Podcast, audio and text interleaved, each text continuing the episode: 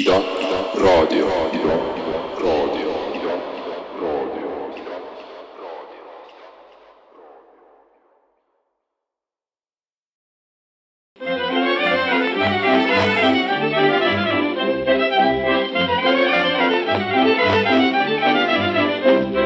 Korligadi, logadi, sõitsime Masaloma uue vankriga. küll üles pidime, küll alas pidime, nii et tolmupilv käis üle päe. Üles pidime, küll alas pidime, nii et tolmupilv käis üle päe. tere kuulamast Vikerkaare podcasti, mina olen Arvo Velmet ja täna on mu vestluskaaslaseks Piret Karro, kelle kuueosaline mammutartikkel Eesti feminismi saja viiekümne aastasest ajaloost ilmus märtsikuises Vikerkaares. palun kõigil lugeda. Piret, me oleme Vikerkaares pikki uurimusi avaldanud ka varem, see on äh, muutunud selliseks märtsinumbri äh, traditsiooniks nüüd mõne aastaga. Aga sellist artiklit, mis hõlmab sada viitekümmet aastat Eesti ajaloost, me vist küll tõesti varem avaldanud ei ole kas sa selgitaksid, miks äh, see teema, naisliikumiste ajalugu Eestis oli vaja nii mastaapselt ette võtta, et äh, hakata pihta rahvusliku ärkamise ajaga ja jõuda põhimõtteliselt tänapäeva välja? tere kõigile. ja no üks põhjus, suur põhjus selleks on see, et seda ei ole varem tehtud et Eesti naisliikumiste ajalugu on püütud selle terviklikkuses kirja panna tuhande üheksasaja kolmekümne kuuendal aastal tuhande üheksasaja viiekümne teisel aastal vist või millal see Helmi Mäelo nain, Eesti naine läbi aegade ilmus. ja siis nüüd ehk siis viimane, viimati seitsekümmend aastat tagasi ja viimase seitsmekümne aasta jooksul on päris palju juhtunud selles vallas. oma esiemade ja oma juurte väljauurimine ja kirjapanemine on selle artikli üks suur ajend olnud, aga noh, muidugi ta on natuke selline ambitsioonikas äh, ja uljas. noh, ma ei taha öelda, et liialdus, aga selline, okei okay,, mitte liialdus, sellepärast et Lili Suuruk tõepoolest tegutses, eks ju. ja temast on välja kasvanud väga palju asju, mis ma jõudsin kirja panna. Aga selline kontiinum või see oli nagu see ambitsioonikas osa sellest, et nagu, et algas, eks ju mingi asi toimus, et Kreenholmi streik toimus seda tuhat kaheksasada seitsekümmend kaks ja sellest ajast saadik meil on põhjust järjest vaadata, et mis erinevatel ajastutel siis tehti. et nüüd ma loodan, et keegi järgmine uljas pea võtab selle, venitab selle ajaloo veel pikemaks ja leiab üles mingisugused talurahva liikumise või mingisugused üheksateistkümnenda sajandi keskpaiga või, või lausa miks mitte päris orjusest alates, mis naised teinud on ja kuidas nad enda eest seisnud on see artikkel on üles ehitatud suuresti erinevate äh, konkreetsete tegelaste ümber. Äh, sa alustad Lilli Suburgiga, siis räägid Aleksandra Kollontaist, äh, siis tegelased, kes seal veel ilma püünel käivad, on näiteks Olga Lauristin või Mari Saat, Leida Laius, mõned teised veel. kui palju on see projekt selline, et ka, ka, ka naised tegid Eestis asju äh, argumendiga projekt või, või kas see äh, naisliikumiste vaatlemine aitab kuidagi äh, laiemalt ümber mõtestada Eesti rahvusluse ajalugu näiteks?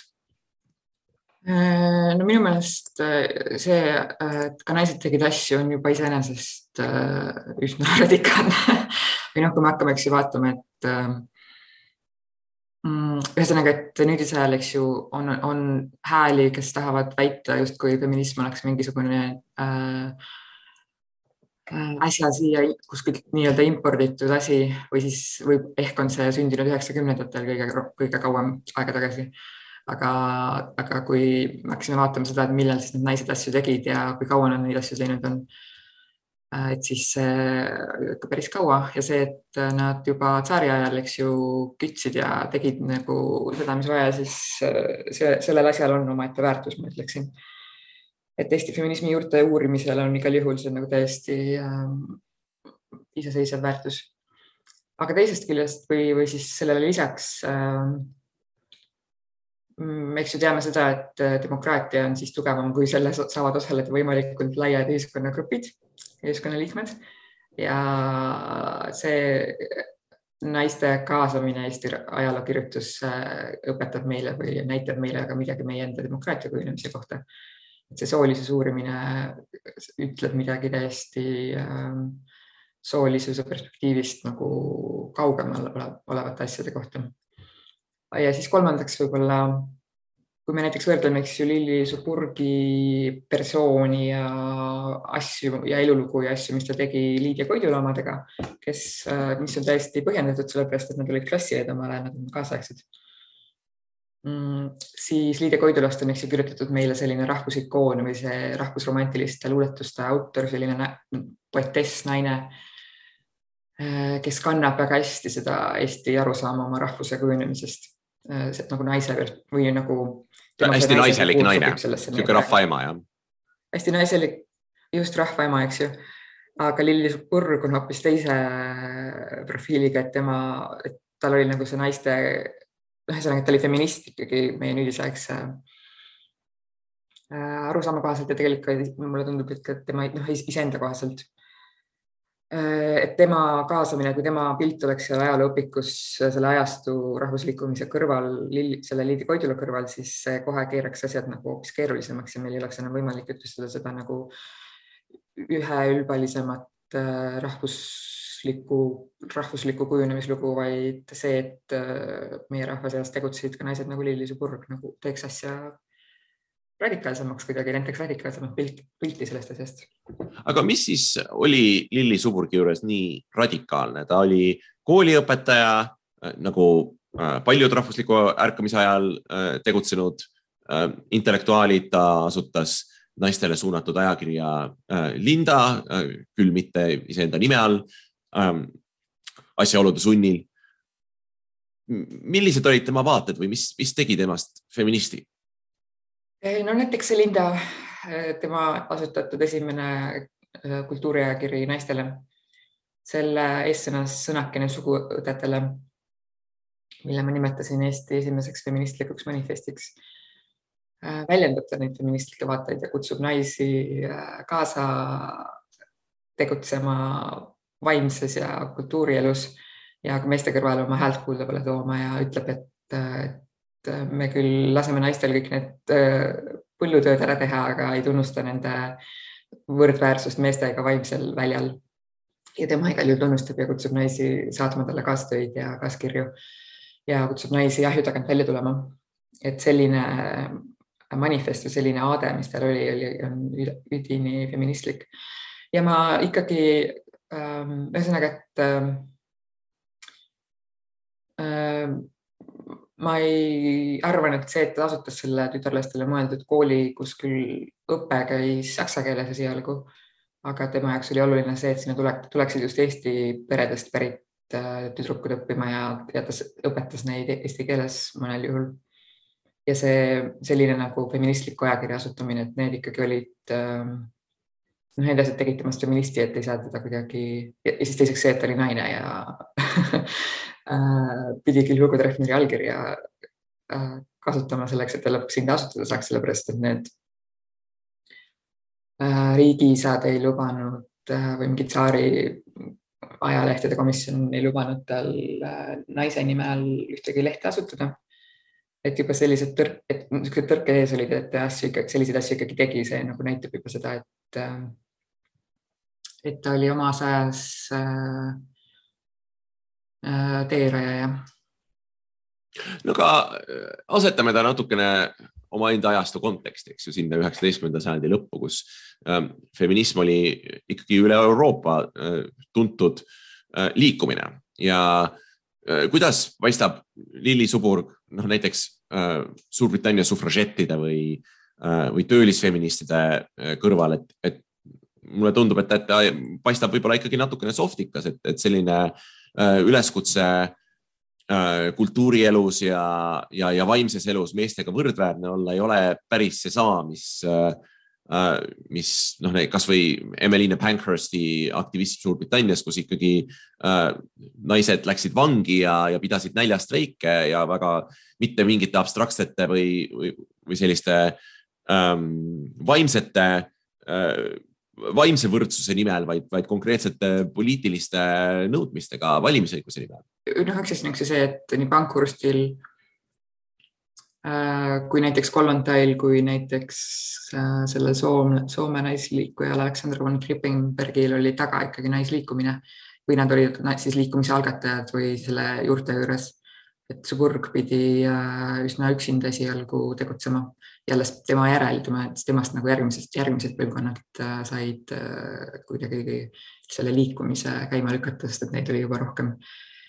aga võib-olla selle Suburgi juures siis siiski tuleb, ma praegu mõtlen, et tuleb ette see rahvuslik tasand või dimensioon, et kõik, keegi nendest sufražettidest Inglismaal või mujal ei pidanud äh, tegelema sellega, et tema rahvus ei eksisteeri veel või äh, ta peab nagu selle pinnalt inimesi üles kutsuma, sest et aga teine asi on see, et äh, eks ju Suburgi enne, noh, et kümme aastat enne seda, kui Suburg asutas oma tütarlaste kooli, asutas noh, üks kümnend enne seda oma linda toimus Kreenholmi streik tuhat kaheksasada seitsekümmend kaks ja, ja siis juba need tekstiilitööstuses töötavad naised tulid tänavatel ja olid valmis vangi minema selleks, et paremaid töötingimusi nõuda. Et. Ähm, mis tegelikult tõstatab väga huvitava küsimuse, et kas üheksateistkümnenda sajandi lõpu Eesti feminism oli tingimata seotud rahvusliku liikumisega või ähm, seisis ta iseseisvalt või oli seotud ta rohkem töölisliikumisega või, või, või kuidas, milline täpselt äh, see suhe rahvuslusega on sellel hetkel? no vot, need mõlemad on, eks ju, nagu sellises tärkamisseisundis või tärkamise ajal. Et sellepärast ma paningi selleks Suburgi pealkiri, peatüki pealkirjaks feministlik ärkamisaeg, et tal oli kõvasti, ta oli kõvasti seotud sellega, et äh, samal ajal toimus nagu suur selline emantsipeerumislaine rahvusluse või rahva identiteedi pinnalt ja Karl Robert Jakobson ju meie üks oluline rahvusliikuja oli see inimene, kes pani või kes nagu julgustas äh, Suburgi üldsegi naisküsimuse eest seisma või naisõigluse eest seisma. ja nad olid head sõbrad, nad olid, nad olid, ma ütleks, intellektuaalsed partnerid, sest mulle tundub, et nad inspireerisid üksteist või noh, vähemalt Jakobson inspireeris Suburgi väga ja nagu äratas temas üles selle oma Eesti juurte tajumise sest et su kurg ise oli ju saksakeelse hariduse saanud, et tal, tal, tema elud ei oleks võinud minna hoopis teistmoodi. Aga rahvusliikumisest inspireerituna ta nagu hakkas ka naiste eest seisma. jah, ja siis need olulised, näiteks Jakobson või, või Treffner, eks ju, ka toetasid teda formaalselt mingitel võtmehetkedel mingit õige allkirjaga nagu Treffner Linda, Linda puhul Äh, nii et äh, üks asi, mida, mille peale, eks ju mõelda tänapäevase mätta otsast vaadates on see, et kui me praegu tajume just rahvusluse suunda justkui mingi konservatiivsema suunana, siis tollel ajal oli rahvuslus ja rahva liikumine eestlaste jaoks äh, või maarahva jaoks nagu üdini emantsipeeruv asi emantsipeerumisliikumine.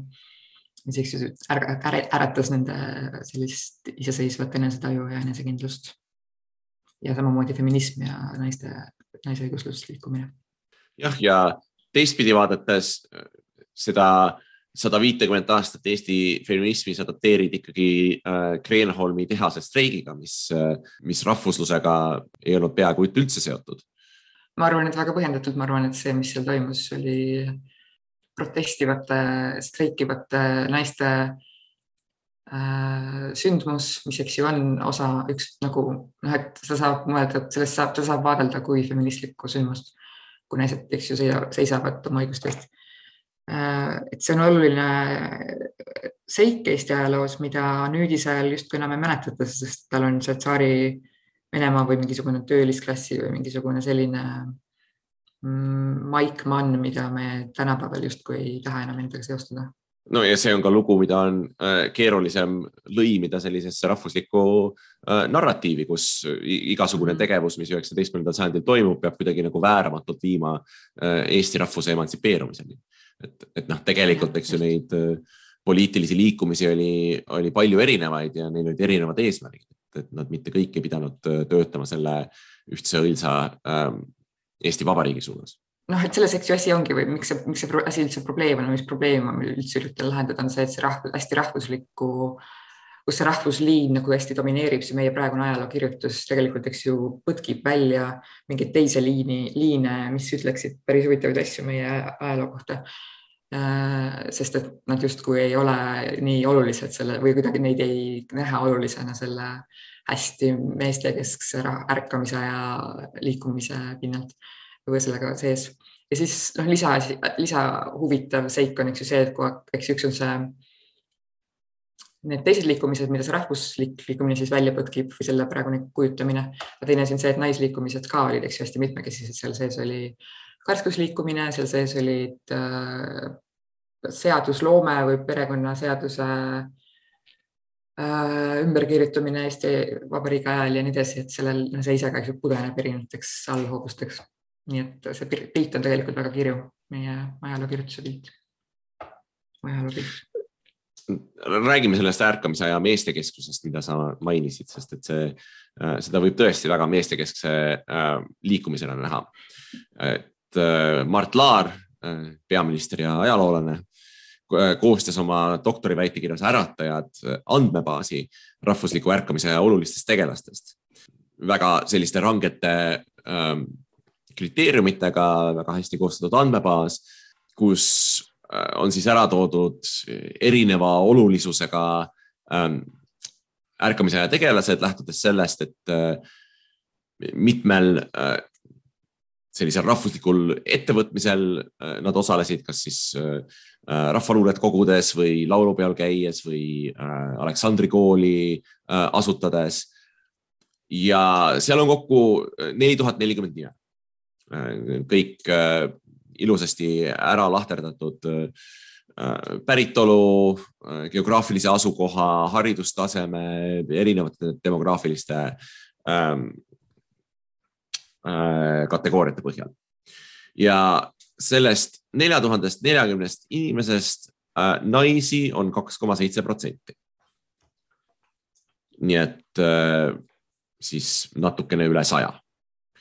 Mõisaomanikke oli nende hulgas rohkem eestlasest mõisaomanikke, äh, kolm protsenti. ja siis äh, neljasajast ähm, sellisest kõige olulisemast äratajast, mille Laar seal välja toob, on äh, naisi vist neli kokku. mis me sellest järeldame, kas mm -hmm. Toona naised lihtsalt ei aktiveerunud rahvuslikult, kas neil ei olnud selleks võimalusi või kas me peaksime seadma küsimuse alla Laari metodoloogia või, või kui, kui, mida me täpselt äh, peale hakkame selle täiesti ebaproportsionaalselt väikse protsendiga? jah, päris naljakas, eks ju ähm,. jah, ma ühesõnaga, et eks ju need inimesed, keda siis Laar kokku luges, olid äh, põhiliselt ametnikud, kirikuõpetajad, koolmeistrid ja talunikud ja võib-olla tõesti nende hulgas tollel ajal ei olnud nii palju naisi, sest et nendele ametitele ei lastudki naisi nii väga tööle ähm,. Ja, nagu Lilli Suburgit äh,, mõttes... Suburgiga, keda ei lastud äh, oma nime all ajalehti toimetada. jah, just täpselt.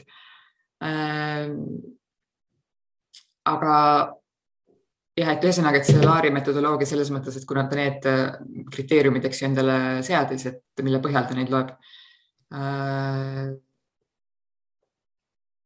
noh, ühesõnaga tulidki siuksed numbrid, aga et kui juba sellised numbrid tulid ja kui sa juba vaatad, et oi-oi, kaks koma seitse protsenti, et ühiskonnas tervikuna on naisi natuke rohkem, siis võiks minu meelest küll natuke otsa vaadata oma metodoloogiale. Äh, et kuhu need naised siis jäid näiteks kui me, me just sinuga lugesime seda esimese laulupeo ajalugu, kus tuhande kaheksasaja kuuekümne üheksandal aastal oli Eestimaal kõige rohkem segakoore ehk siis neid, kus laulavad mees ja naishääled äh, koos. aga laulupeole lasti ainult meeskoorid laulma esimesele laulupeole, mis on üks ju suur rahvuslik sündmus ajalooliselt, sellepärast et äh, Papa Jansen, kes seal oli dirigent ütles, et äh, mis siis küll saab, kui üle Eestimaa tulevad kokku nii mehed kui naised ja saavad kasvõi üheks päevaks samas ruumis kokku, et oi-oi, mis siis nagu, siis küll ei jää pahandus olemata. ja mingid sellised seigad natuke valgustavad välja, et mis moel, miks neid naisi siis nendes aktiivsemates gruppides nii palju ei olnud, nad lihtsalt nagu põtkiti sealt välja umbes sama, sama loogika alusel, et äh, miks tal siis nii lühike seelik seljas on et äh, meeste käitumist äh, vastutusele võtmata vaadatakse, kuidagi nagu eemaldatakse naised justkui need süüalused äh, et mingid, noh, mingid sellised põhjused võivad olla selle taga, et miks naised ei olnud nii aktiivsed ja samal ajal loomulikult nad ei olnud ka eks ju avalikus sfääris nii aktiivsed, neil see ühiskond ei äh, lasknud neid tegutseda kirikuõpetajana. Et need ametid, mida Laar ärkamise ajal oluliseks pidas, äh, nendest ju tollel ajal põtkitigi naised välja. feministlikust vaatepunktist, äh, eks ju, on siin see privaatse ja avaliku sfääri ja, ja produktiivse ja reproduktiivse töö kriitika. et ähm, võib-olla tõesti mehed olid siis nendel kõrgetel ametikohtadel, kus nad paistavad silma kui väga aktiivsed rahvusliikumise äh, algatajad, aga samal ajal siis nad läksid koju ja keegi tegi neile suppi ja keegi äh, mm, friikis nende kuue ära äh,. ja ühesõnaga, et naised äh, olid, eks ju, tegutsesid siis tagalas ja, ja aitasid kogu sellel süsteemil nähtamatu tööga püsti püsida, et praegu on, eks ju. tegid seda reproduktiivset tööd. juures me võime palju lugeda seda. Just nad tegid seda reproduktiivset tööd, mis selle nagu masinavärk ikkagi käimas hoiab, ühiskonna jooksus hoiab ja need aitab, noh laseb tegelikult nendel meestel teha seda avalikku tööd, mida nad teevad. sest see nähtamatu kodune töö on selle eelduseks. et äh, tõenäoliselt siis äh, ülejäänud nelikümmend üheksa protsenti naisi jäidki selle tõttu nähtamatuks rahvuslikus liikumises. jah, see on äh, hea näide minu meelest see Laari äratajate andmebaas sellest, kuidas soo-uuringud äh, aitavad meil mingisuguseid äh, ähm, selliseid mm, pealtnäha iseenesestmõistetavaid antusi natukene kriitilisemalt uurida, et, et, et noh, nagu sellest sinu vastusest näha, siis tegelikult see, kui me vaatame sellele Laari andmebaasile otsa, siis see peaks panema meil terve hulga kellasid peas põlema ja tekitama terve hulga küsimusi, mida võiks siis edasi uurida. noh, täpselt needsamad küsimused, mida sa siin esitasid, et, et kes siis triikisid neid kuubesid või, või miks ei jõudnud segakoorid esimesele laulupeole ja ähm, selle asemel, kui meil seda ähm, soolist perspektiivi ei ole, siis, siis me lihtsalt saamegi jätta selle andmebaasi sinna paika ja nentida, et ahah, et need olid need nelikümmend, äh, need olid need neli tuhat nelikümmend tähtsamat inimest ja, ja paraku seal naisi ei olnud ja, ja, ja liigume edasi. Ähm, mulle tundub küll, et, et need küsimused, mida sa esitasid, on palju huvitavamad või, äh, või väärivad kaalumist. aga räägiks natukene siis sellest teisest olulisest üheksateistkümnenda sajandi feministist, kes Eesti territooriumil tegutses, äh, keda rahvusliku liikumisega nii hästi seostada ei saa. Äh, ja kelleks oli Aleksandra Kollontai, kes on paremini tuntud kui äh, üks olulisemaid kommunistlikke feministe ja seda nii teoreetilises plaanis kui ka praktilises plaanis, selles mõttes, et ta oli üks varase Nõukogude Liidu ehitajatest, muuhulgas ka hoolekande rahvakomissar ja Äh, ja, ja selles mõttes täiesti nagu ähm, võimu, võimukandja. Et äh, kas me siis võiksime öelda, et, et marksistlik feminism sai äh, või isegi bolševistlik feminism sai alguse Eestist? jah, võiks küll.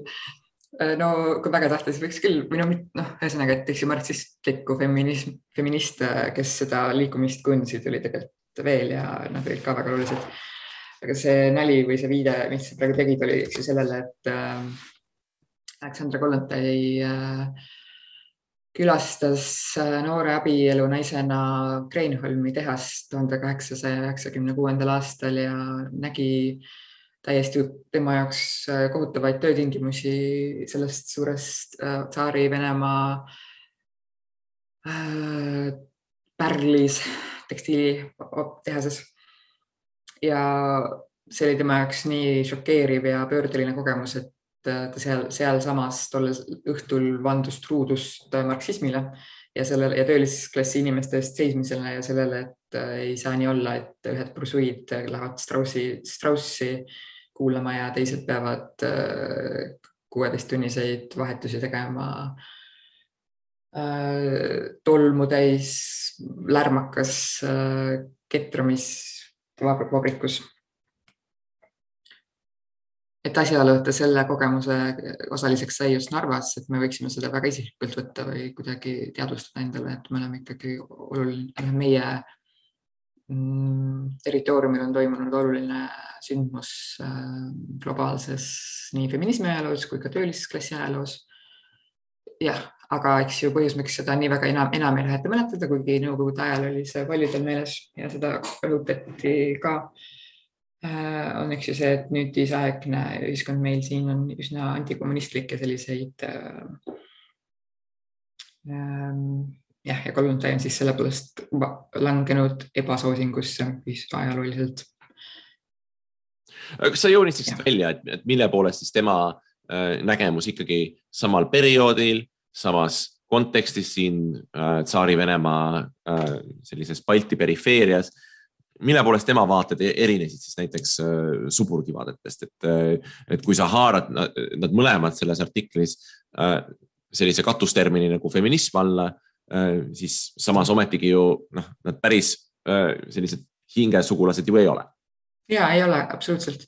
Nad päris ei ole ka päris kaasaegsed, sellepärast et äh, Suburg oli juba kolmekümnendates, kui Kolland alles sündis ja Kollontai tegutses äh, siis, kui Suburgi kool oli juba ära venestatud. nii et natuke hiljem. Äh, aga jah, ühesõnaga, et Suburg oli, eks ju, ise pärit äh, nagu suurest talumajapidamisest ja tema vaated olid sellised rahvuslikumad ja ta nagu võib-olla rääkis küll teenistusest või teenpalgast, aga ta ei olnud, noh, et Kollontai puhul on, eks ju, väga tugevalt see, et ta on marksist eelkõige. Äh, et selles mõttes ähm, tema puhul see klassiperspektiiv ja see äh, nagu nii-öelda klassivõitlus, mis eks ju hakkas toimuma tuhande üheksasaja viiendal aastal ja siis edasi veel tuhat üheksasada seitseteist ja nii edasi, eks ju. Äh, see oli tema selline fookus varasel, varases eas, varases tegutsemiseas. ja, ja ta, tema teised vaated Äh, hõlmasid äh, näiteks seda, et noh, ühesõnaga, tema jutlustas hästi palju abielust ja vabast armastusest ja naisküsimusest ja sellest, kuidas äh, see kodanlik abielu rõhub naist, sest et ta peab, ta on nagu vaheldatud sellesse peremudelisse, aga ei saa teha nagu oma tööd, mis teda vabastaks ja samal ajal ta oli ka väga sõjavastane ja tema kõned, oma kõnedes võttis ta väga palju sõna sõja vastu, nii et äh, tema selline, ta nagu hõlmas rohkem majandust, poliitikat, rahvusvahelist poliitikat, rahvusvahelisi suhteid ja nii edasi, et äh, selles mõttes ta erines Suburgist kas võiks võib-olla isegi öelda, et ta tõenäoliselt oleks pidanud või võib-olla pidaski äh, Suburgi kodanlikuks äh, selliseks tuuletallajaks, kes tegeleb mingite kultuuriliste ja, ja, ja vaimsete teemadega, jättes ühiskonna alustalad, mis tegelikult, eks ju, naiste rõhumist põlistavad, need, need, needsamad äh, sellesama kodaniku abielu ja teisalt need tootmissuhted kõik sinnapaika. et võib-olla Kollontai isegi ei oleks sinu äh, liigitusega nõus, et võib-olla tema meelest Suburg üldse ei peaks äh, feministide hulka kuuluma oma kodanlike vaadetega? no vot, see oligi ju, eks ju, marksistlikud äh, naisõiguslased ütlesid seda, et nemad ei ole feministid, sellepärast et feministid on mingid bursuid ja mõtlevad ainult äh, sooli, soolisele solidaarsusele või solidaarsusele soo pinnalt, aga siis, kui kohe, kui nad oma need äh, valimisõigused ja muud asjad kätte saavad, mida nad nagu oma soole nõuavad, jätavad nad töölisklassi naised selja taha ja nende nagu klassi solidaarsust äh, ei eksisteeri et äh, nad eristasid, nad tegid sellise defini, definitsiooni eristuse enda ja feministide vahel. mida me nüüd, äh, nüüd me oleme, eks ju, feminism nagu on enda alla neelanud või hõlmab endas ka seda klassiperspektiivi ja, ja see, selleks on intersektsionaalne feminism, mis vaatab ka teisi vektoreid peale soo. aga selles mõttes küll jah, et see marksistlikel naisõiguslastel selline piif oli nende kodanlastega. aga noh, ikkagi ma arvan, et see päris Suburgi ja Kollontai dialoogi asetamine tundub, noh, ma ei tea, ma ei ole kindel, kui äh, see on viljakas kindlasti nagu võrdlusmoment, aga see ei ole võib-olla kõige ausam või selline õiglasem Suburgi suhtes, kes oli juba vana naine siis, kui see Kollontai hakkas alles, hakkas äh, diplomaadiks ja või noh, saadeti eksiili Nõukogude Liidus, sest et ta ei saanud bolševikega hästi läbi. Ja noh, hakkas, eks ju, oma seda suuremat rahvusvahelist tööd tegema. no igatahes ma arvan, et võib öelda, et kui, kui vaadata sealt üheksateistkümnenda sajandi lõpu, kahekümnenda sajandi alguse perspektiivist, siis äh, siis naisliikumine Eestis oli väga elav, et oli erinevaid vaateid äh,, erinevaid liikumisi ähm,. ja, ja, ja või, võiks ju võib-olla arvata, et, et sellise äh, viljaka pinnase pealt äh, tuleks hästi viljakas kahekümnes sajand, kas äh, iseseisev Eesti riik täitis neid ootusi? kas siis, kui äh, tsaaririigiga ühele poole sai ähm,, kas siis sai hakata kõiki neid äh,, neid nõudmisi ja, ja lubadusi ka ellu viima mingisuguses konkreetses poliitilises, juriidilises vormis? Äh, esimese Eesti Vabariigi naisõigluses, naisõiguslased olid selles riigis väga pettunud, sellepärast et nad tundsid, et see tuhande üheksasaja seitsmeteistkümnenda aasta revolutsioon, mis tõi naistele valimisõiguse ja väga palju uusi õiguseid poliitilises mõttes äh, justkui paiskas, eks ju, õhku nii palju lubadusi, mida tegelikult see Eesti Vabariik täitma ei hakanud. sellepärast, et naisi ei tahetud nii väga kaasata äh, erakondade töösse, valitsuse töösse, valitsuses ei olnud ühtegi naist. Äh, parlamendis neid paar tükki oli, aga mitte väga palju, et nad tundsid, et nüüd, kus meil see vabariik käes on, et miks me ometi siis noh, miks, miks te ikkagi meid veel välja puksite, et miks ikkagi kõlab koosolekusaalis see küsimus, et mis need naised siin teevad. Äh, aga samal ajal äh, see ei takistanud naistel ise organiseerumast ja meeletult äh, palju ja kiiresti hakati asutama naisseltse igas erinevas väikses alevikus ja linnakeses ja Tallinnas, Tartus, suuremates linnades oli lausa mitu naisseltsi, et ähm, et naised ikkagi siis ei visanud, ei lasknud käsi rüppe ja äh, hakkasid ise tegutsema. Et üks ähm, kõige suuremaid väljakutseid, mis osutus siis olema naisseltsidel ja naistel esimeses Eesti Vabariigis oli see, et kehtiv, äh, et Balti erikorrast pärit või Balti erakorrast pärit ähm, perekonnaseadus ei lubanud neil omada vara enda nimel, et kui nad abiellusid, siis nad pidid kogu oma vara kirjutama oma mehe nimele.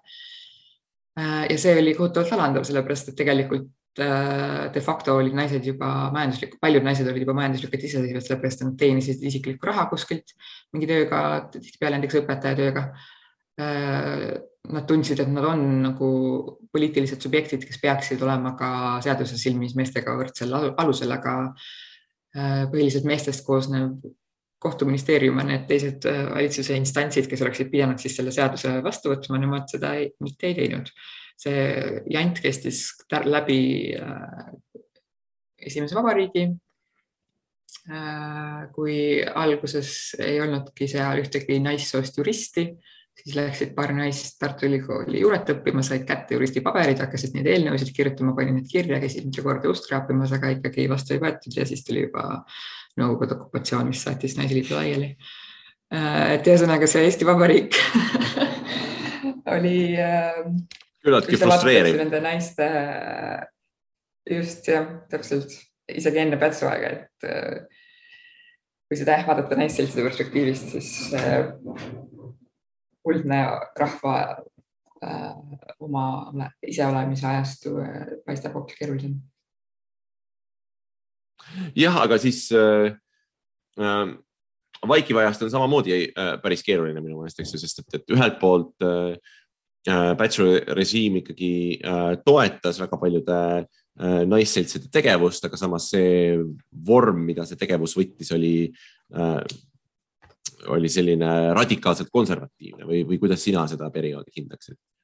ma ütleks täpselt vastupidi, et, et Pätsu tegevus toetas radikaalselt konservatiivset tegevust naiste puhul aga see, mis vormi need seltsid võtsid oma tegevuses, oli äh, ikkagi toetas naiste tegelikku elu ja tööd. sellepärast, et äh, eks ju Pätsu ajal siis algatati see äh, kodukaunistamisliikumine et teeme fassaadid korda ja näitame, et me oleme õige rahvas, kes elab ilusates majades, aga ja siis asutati ka kodumajanduskoda, mis oleks pidanud siis seda asja läbi viima seda kodu äh, kaunistamiskampaaniat äh,. aga Kodumajanduskoda, et sinna said tööle naised, äh, kes olid, kellel oli juba tegelikult äh, pikk kogemus seltsiliikumisest ja nad hakkasid siis äh, nende riiklikult koondatud rahade toel läbi viima neid asju, selliseid nagu äh,. ühesõnaga ehitati maju, korrastati maju, tehti kööke korda anti naistele uusi tööriistu, mis tegid nende igapäevase töö just nagu selle koduperenaise töö kõvasti lihtsamaks, kergemaks, kiiremaks, efektiivsemaks ähm,.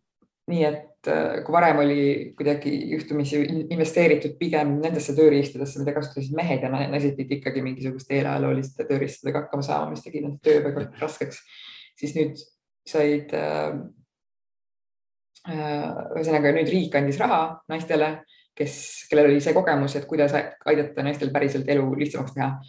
Äh, ja riik ütles, et tehke siin kodud ilusaks, aga need kodumajanduskoja töötajad siis kasutasid seda raha, saadud raha targasti ära ja aitasid hoopis kodusid kergemaks ja efektiivsemaks teha, kodusid kui, eks ju, töökeskkondi naiste jaoks Äh, et noh, et ma ei ütle, et ma nüüd ei saa öelda seda, et see oli täielikult sada protsenti nii ja tegelikult kogu see pätsuvärk oli naiste jaoks ilgelt hea. aga see asjaolu, et Kodumajanduskoda kuidagi äh, queer'is, kvääris seda raha, mis nad said. Täpselt, et see muudab jah, natuke, noh, taaskord, eks ju, natuke keerulisemaks meie arusaama oma ajaloost. kuigi seda perekonnaseadust nad ikkagi ei saa. nojah kõik ei saa äh, aga jah, ma arvan, et, et, et see, need on mõlemad väga head näited sellest, kuidas nii äh, Eesti Vabariigi sünd kui ka äh, vaikiv ajastu paistavad hoopis äh, komplekssetema peri äh,, komplekssetemate perioodidena äh,, kui äh, vaadata eraldi seda, seda soolist perspektiivi ja mitte lihtsalt jutustada seda sellise ähm, ühtse äh, rahvusliku kulgemisena ja ilmselt kehtib seesama ka Nõukogude ajastu äh, kohta. ja Nõukogude ajal äh, feminismist rääkimine on, on omaette huvitav probleem, sest et me oleme selle perioodiga justkui kinni, mulle tundub, sellise kahe äärmusliku positsiooni vahel, kus äh, ühelt poolt äh, on selline Nõukogude Liidu enda ametlik ajalookirjutus ja, ja nende enda positsioon äh, sellel ajastul enesel, mis põhimõtteliselt ütles, et, äh, et kõik oli väga hästi, sellepärast et, et Nõukogude Liit oli, eks ju, lammutanud klassisuhted, oli kehtestanud sugudevahelise võrdsuse, oli sisuliselt defineeris ennast feministliku režiimina. Ja, ja seetõttu mingeid probleeme ei olnud. Ja siis selle kõrval on uurijad ja, ja, ja kriitikud, äh, kes juhivad tähelepanu sellele, et, et see võis ju sõnades niimoodi olla, aga äh, praktikas äh, toimus selline soopõhine rõhumine jätkuvalt edasi, et, et naised töötasid endist viisi nii-öelda kahes vahetuses, ühe vahetuse Äh, kuskil töö juures ja siis teise vahetuse kodus mehele süüa tehes ja lapsi kantseldades. Ähm, võib-olla siis veel kolmanda vahetuse partei koosolekul käies. Ähm, ja et, et me ei peaks seda üldse nii väga tõsiselt võtma. Ähm, ja need mõlemad positsioonid tunduvad olevat natukene karikatuursed, kuidas sina seda küsimust näed või, või kuidas sinu artikkel seda, äh, seda perioodi valgustab? on, on ta siis see silmakirjalik režiim või, või selline äh, heroiline feministlik režiim? noh, see silmakirjalik režiim, eks ju, see teise vahetuse teema ongi noh, oluline kriitika sellele Nõukogude aja formaalsele võrdsusele mm,. Et öeldi küll, et äh, naised saavad ka traktoristiks hakata ja see ongi sugude võrdsus ja naisküsimus on lahendatud, aga samal ajal, eks ju, need äh, jällegi selle reproduktiivse töö ootused ei kadunud naistel kellelt naised said traktoristideks, aga Ähm. traktoristid kodutöid tegema ei hakanud. meestraktoristid. jah, täpselt just. aga samal ajal see mingisugune äh, lisadimensioon, mis sealsamas tekib, on see, et, äh, et see teine vahetus, eks ju, see, et äh, naise, naiste tööhõive kasvas nii palju ja et see, noh, et see tõesti näiteks lõi, eks ju, nii nagu ma selles hilis, hilise nõukogude artikli, peatükis räägin, eks ju sellest, kuidas meie vana, vanaemade põlvkond äh, sai olla arst, arhitekt, kirjanik, režissöör, igasuguseid alasid, loomingulisi eneseväljendust või sellist loomi, noh, liiga laiuse, vabandust, ma siin ruttan ette, aga et ühesõnaga, et teha, teha tööd, teha, olla tööd, töötaja aladel kus lääne naised sellel hetkel ei saanud veel olla viiekümnendatel, neljakümnendatel, noh, mitte neljakümnendatel, aga viiekümnendatel, kuuekümnendatel. Nemad olid veel koduperenaised, et see tööhõive tõesti naiste, andis naistele võimaluse pidada ameteid, mis äh, muidu oleksid neile kättesaamatud olnud. ja siis selle, see mööndus oli see teine vahetus, eks ju. see, mis sellega kaasas käis, kui sul olid lapsed. Äh, aga samal ajal äh, nagu üks huvitav dimensioon, mis selles küsimuses avaneb, mida aitas mul näha minu Kesk-Euroopa Ülikooli kursaõde Saša Talavar, kes on uurinud neid naisi, kes töötasid, kes olid partei liikmed ja töötasid väga kõrgetel kohtadel mingisugustes ministeeriumites või sellist noh, nagu riigiorganites, eks ju. ja üks naine, keda temast, kellest tema kirjutanud on, on Maria Kubrigina, kes oli haigla juhataja ja arst ise ja kuulus ka Nõukogude naiste antifašistlikku komiteesse. Kes siis tegeles, tema nagu põhiline see pärand maailma ajalukku on see, et tema aitas aborti seadustada, see, mis, mis siis Nõukogude Liidus viiekümne viiendal aastal üleliiduliselt, eks ju, seaduslikuks sai, et tema arvas, et see, et abort on keelatud, on, alandab naisi ja see nagu naistel peaks tegelikult olema õigus ise otsustada. et seda ta ütles nagu privaatselt, aga siis seal partei ees kõnesid pidades abordi keelu tühistamise kaitseks seal ta kasutas rohkem seda parteikeelt ja sellist ideoloogilist sõnavara, mis kuidagi põhjendaks ära selle, et miks seda asja teha vaja on. et ja siis tema lugu veel ütleb meile seda, et ta küll ise ei tahtnud nii kõrgetel kohtadel töötada aga teda tervitati, eks ju, Nõukogude Venemaa tervishoiuminister ja hiljem ka kogu liidu tervishoiuminister. et teda nagu puksiti just selle, selle nagu retoorika, retoorilise sugude võrdsuse nimel nendes, nendele kõrgetele kohtadele, et kuulge, meil on ju Nõukogude Liit, meil on ju see sooline võrdsus, et me naised, me oleme võrdsed, me peame seda kuidagi näitama, et meil on nagunii nais- kui meesministreid ja siis teda puksiti nagu selleks token naiseks siis sinna tervishoiuministri ametikohale. aga kui ta juba seal oli, siis ta nagu teadvustas seda positsiooni, mis tal on ja kasutas seda ära selleks, et päriselt mingisugune väga oluline samm ära teha naiste kaitseks. Et nagu sellised keerukused avanevad ka selles Nõukogude ajaloos, mida me siiamaani pole ise seda nagu peatükki me pole veel tahtnud lahti teha. suuresti arusaadavatel põhjustel aga siis sealt edasi minnes mm äh, tuhande üheksasaja üheksakümnendatesse, see on jälle äh, üks selliseid nagu poolmütoloogilisi äh, ajastuid, eks ju, selline võitjate põlvkonna ajastu, kus äkitselt vabanemisega kõik sai võimalikuks, ole ainult mees sõna otseses mõttes ja, ja, ja korja üles, eks ju, mingisugused riigile kuuluvad metsanurgad või, või kolhoosihooned või, või autorehvid ja, ja, ja asu nendega hangeldama, aga noh, teistpidi ka, eks ju äh,. ajakirjanduse kuldaeg kindlasti mitmes mõttes ja ühesõnaga mütoloogiline üsna, üsna mitmes dimensioonis äh,. vaba turumajanduse hiilgehetk, eks ju mm. -hmm. Äh, Mart Laari ajastu mm. -hmm. kuidas see periood soolisest perspektiivist paistab? jah, see on jah huvitav, et tõesti need vabad hetked on hästi selliseks nagu nii läbi kirjeldatud, nagu sa just ütlesid. niisugused müüti, mütoloogilised ajastud.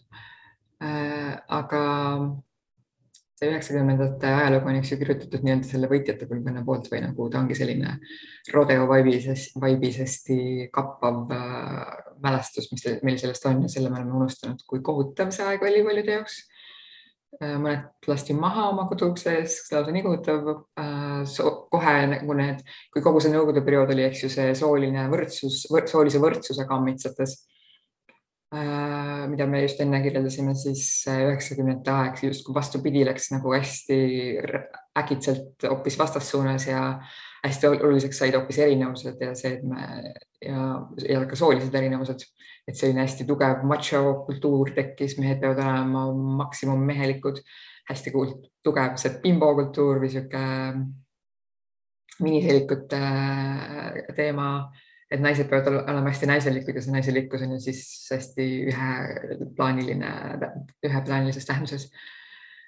et seega tekitas palju muresid ja probleeme ja raskusi inimeste jaoks. paljud mehed tapsid ennast ära, said surma, ei suutnud äh, sammu pidada selle kappava hobusega äh,.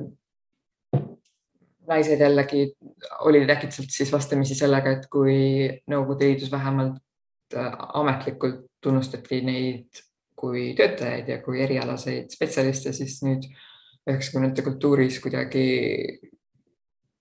tekkis meele, noh kuidagi sai paisuvalt lahti mingisugune meeletu misogüünia. Mida ei pea väga kaugelt öö, äh, otsima, selles mõttes, et äh, eks ju Barbi Pilvre on, on uurinud seda, kuidas see paistab öö, äh, või peegeldub tagasi Eesti Ekspressi ja teiste toonaste ajalehtede esikaantelt ja reklaamidest ja, ja muust taolisest, selline üleseksualiseeritus ja, ja nagu sa ütlesid, bimbokultuur. Mm -hmm.. kusjuures mul on üks väike piif selle Ekspressiga, sest et äh, Äh, millal, mingil hetkel ma ei ole suutnud seda nagu enam leida veebist, aga mingil hetkel oli neil nüüdisajal just tänapäeval mingi oi üheksakümnendate kõige naljakamad lood, selline väike rubriik, kus siis üks kõige naljakam lugu üheksakümnendatest oli selline, kuidas mingi taksojuht meenutas, et äh, kuidas tema autosse visati üleni ala, täiesti alasti naine, mingid kaks niisugust täielikku jõmmi viskasid ja siis ta ei osanud selle naisega midagi muud peale hakata, kui lihtsalt viis ta haiglasse ja viskas talle mingisuguse eelmise kliendi maha unustatud jope peale e,. ja kui sa, ahaa, eks ju, et kui sa mõtled, et miks kaks jõmmi viskasid täiesti halvasti naise, kes oli teadvusetu sellesse taksosse, et mis juhtus, siis sa eks ju tead, mis juhtus. ja asjaolu, et esiteks niisugune asi toimus üheksakümnendatel ütleb meile midagi üheksakümnendate kohta ja teiseks see siit tänapäeval Ekspressis meenutati seda kui väga lõbusat seika üheksakümnendatest, ütleb meile midagi tänapäeva kohta ja võib öelda seda, et need erinevused ei ole mõnes mõttes nii suured. võib-olla see kirjeldab seda keskkonda, milles siis oli vaja hakkama saada. aga kui nüüd natuke sellistest teemadest äh, ropsuga hoopis toredamate teemade juurde hüpata, siis äh, oma peatükis üheksakümnendate kohta ma vaatan hoopis seda, et kuidas, kes need olid, kes seda feminismi lippu ikkagi julgesid selles keskkonnas kõrgel hoida kes seda, kes sellest rääkima hakkasid ja mis muud asjad toimusid äh, üheksakümnendatel juba, siis on see, et feminismist hakkasid rääkima kaasaegsed kunstnikud. eesotsas äh, Mare Tralla ja äh, Reet Varblase ja Eha Komissarovi kureeritud näitus Est-Fem ja Mare Tralla on mulle rääkinud, kuidas nad ka selle näituse väliselt, noh Eesti esimene feministlik näitus tuhande üheksasaja üheksakümne viiendal aastal. ja Mare Tralla on mulle rääkinud, kuidas nad ka selle äh, näituse väliselt püüdsid äh, rääkida feministlikel teemadel ja rääkida feminismist üldse. ja äh, noh, selles mõttes, et Ekspress kajastas ka seda äh, ja teiseks siis üheksakümnendal aastal juba asutati Eesti Lesbiliit selleks, et koondada lesbisid Eestis ja, ja nende järel tulid ka Eesti Geiliit ja äh, ja transinimeste selline ühendus. Äh, nii et äh, LGBT liikumine juba sai, hakkas pihta juba enne Eesti iseseisvuse taastamist. jah, see on huvitav paradoks, et, et ühelt poolt see kauboikapitalismi ajastu toob kaasa, eks ju, sellise nagu traditsiooniliste soorollide nagu tohutu tagasituleku. ja teisalt see selline institutsionaalne anarhia või see, et, et äkitselt ühel hetkel on kõik on nagu võimalik, millekski ei ole raha, aga põhimõtteliselt kõike saab teha. võib-olla siis andiski võimaluse sellistele institutsioonidele nagu, nagu Eesti Lesbiliit või, või siis needsamad äh, kaasaegsed kunstnikud õilmitseda mingil viisil, mis võib-olla mingisuguses äh, institutsionaalselt settinumas ühiskonnas ei oleks nii lihtne olnud, et, äh, et noh, et et kui võrrelda kasvõi kaheksakümnendatega, aga võib-olla ka nagu kümme aastat äh, hilisema perioodiga, kui, kui see kapitalism oli natukene äh, paremini juba jalad alla saanud, siis on ikkagi nagu keeruline ette kujutada, et ETV-s prime time'is, eks ju, näidatakse mingisugust äh, suhteliselt raju kaasaegset kunsti või et, et ajakirjal Vikerkaar oleks mitmekümne tuhandene tiraaž, kus ühtlasi avaldatakse selliseid ähm, lesbitemaatilisi äh, novelle näiteks. aga kaheksakümnendate lõpus, üheksakümnendate alguses oli see täiesti võimalik eks ju noh, see üks asi, mis räägitakse üheksakümnendate kohta oli see, et äh, kõik oli võimalik, sest et mitte midagi ei olnud varem tehtud või mitte midagi ei olnud võimalik ja siis selles, need, kes seda ära, seda olukorda oskasid ära kasutada, need võidutsesidki. meil oli, võime lihtsalt olla, meil võib lihtsalt olla õnnelikud, et olid inimesed nagu Lilian Kotter, kes asutas Lesbiliidu või Mare Tralla, kes kureeris äh, Est-Femi ja aitas suuresti kaasa sellele feministlikule siia tulekule. Ähm, et need inimesed ka eksisteerisid ja need inimesed ka oskasid seda olukorda ära kasutada. ja noh, selles mõttes, et ega need asjad, noh, need asjad olid ikkagi ühendatud mingisuguse laiema vereringega, et see institutsionaalselt settinud väljend mulle väga meeldib, et Eesti puhul seda tõesti võib öelda, et see nii ei olnud, aga samal ajal äh, äh, raha saadi ikkagi ka mingisugustelt Äh, Euroopa, noh hilisematel üheksakümnendatel Euroopa Liidu fondidelt või siis sellelt. avatud ühiskonna fondilt, äh, Sorosi fondilt just jah. jah, Soroselt, eks ju, kes, noh, see oli mingisugune sihuke tsiviliseerime Ida-Euroopa raha, seda siis kasutati selleks äh,. nii et ikkagi tõi Soros selle feminismi siia Eestisse jah? vaat, vaat, vaat seda ma arvasin. kuule jah, tuleb, kõige vaata, mis välja tuleb ja, ja mina olen ka Sorose agent ju, nii et ma ei saa siin midagi vastu öelda. ja siis noh, ja siis Mare Tralla sai inspiratsiooni Soome feministidelt. Et Soome tugi on Eestis läbivalt kõik need sada viiskümmend aastat väga tähtis olnud, et jah, et siuksed nagu mingid vereringid ikkagi siis eksisteerisid ja päris nagu lambist asjad ei tekkinud, kuskilt said ikkagi inspiratsiooni. jah, minu teada ka nii mõnigi nendest Vikerkaare LGBT teemalistest esseedest, mis kaheksakümnendate lõpus ilmusid, jõudsid just Soome kaudu siia. jah, just, just see Max Randi see homoseksuaalsuse ajaloost. just täpselt seda ma mõtlesin. Tõlge mm. -hmm. nii, aga meie vestluse alguses sa ütlesid, et, et sa mõtled sellest esseest kui sellisest esimesest sammust, et sinna oleks järgmisi uljaid uurijaid juurde vaja, et kui sa annaksid neile mõne näpunäite, et mis, mis oleks see see asi, mida, millest jätkata, kui nüüd tahta mõnda nendest paljudest teemadest, mida sa oma essees katad, natukene süvitsi lahti muukida. millest, millest sina alustaksid?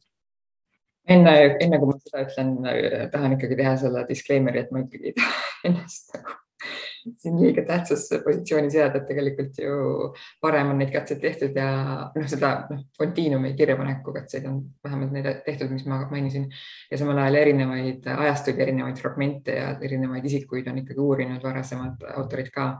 Et ma ise näiteks see, et Ariadne Lõnga on kakskümmend aastat välja antud ja sealt ma sain ikkagi väga palju infot ja see on suur asi ja Katrin Kivimäe ja teised uurijad on ka väga palju kirja pannud, et ähm, ma ikkagi olen mingis seltskonnas, mitte siin üksik äh, üritaja.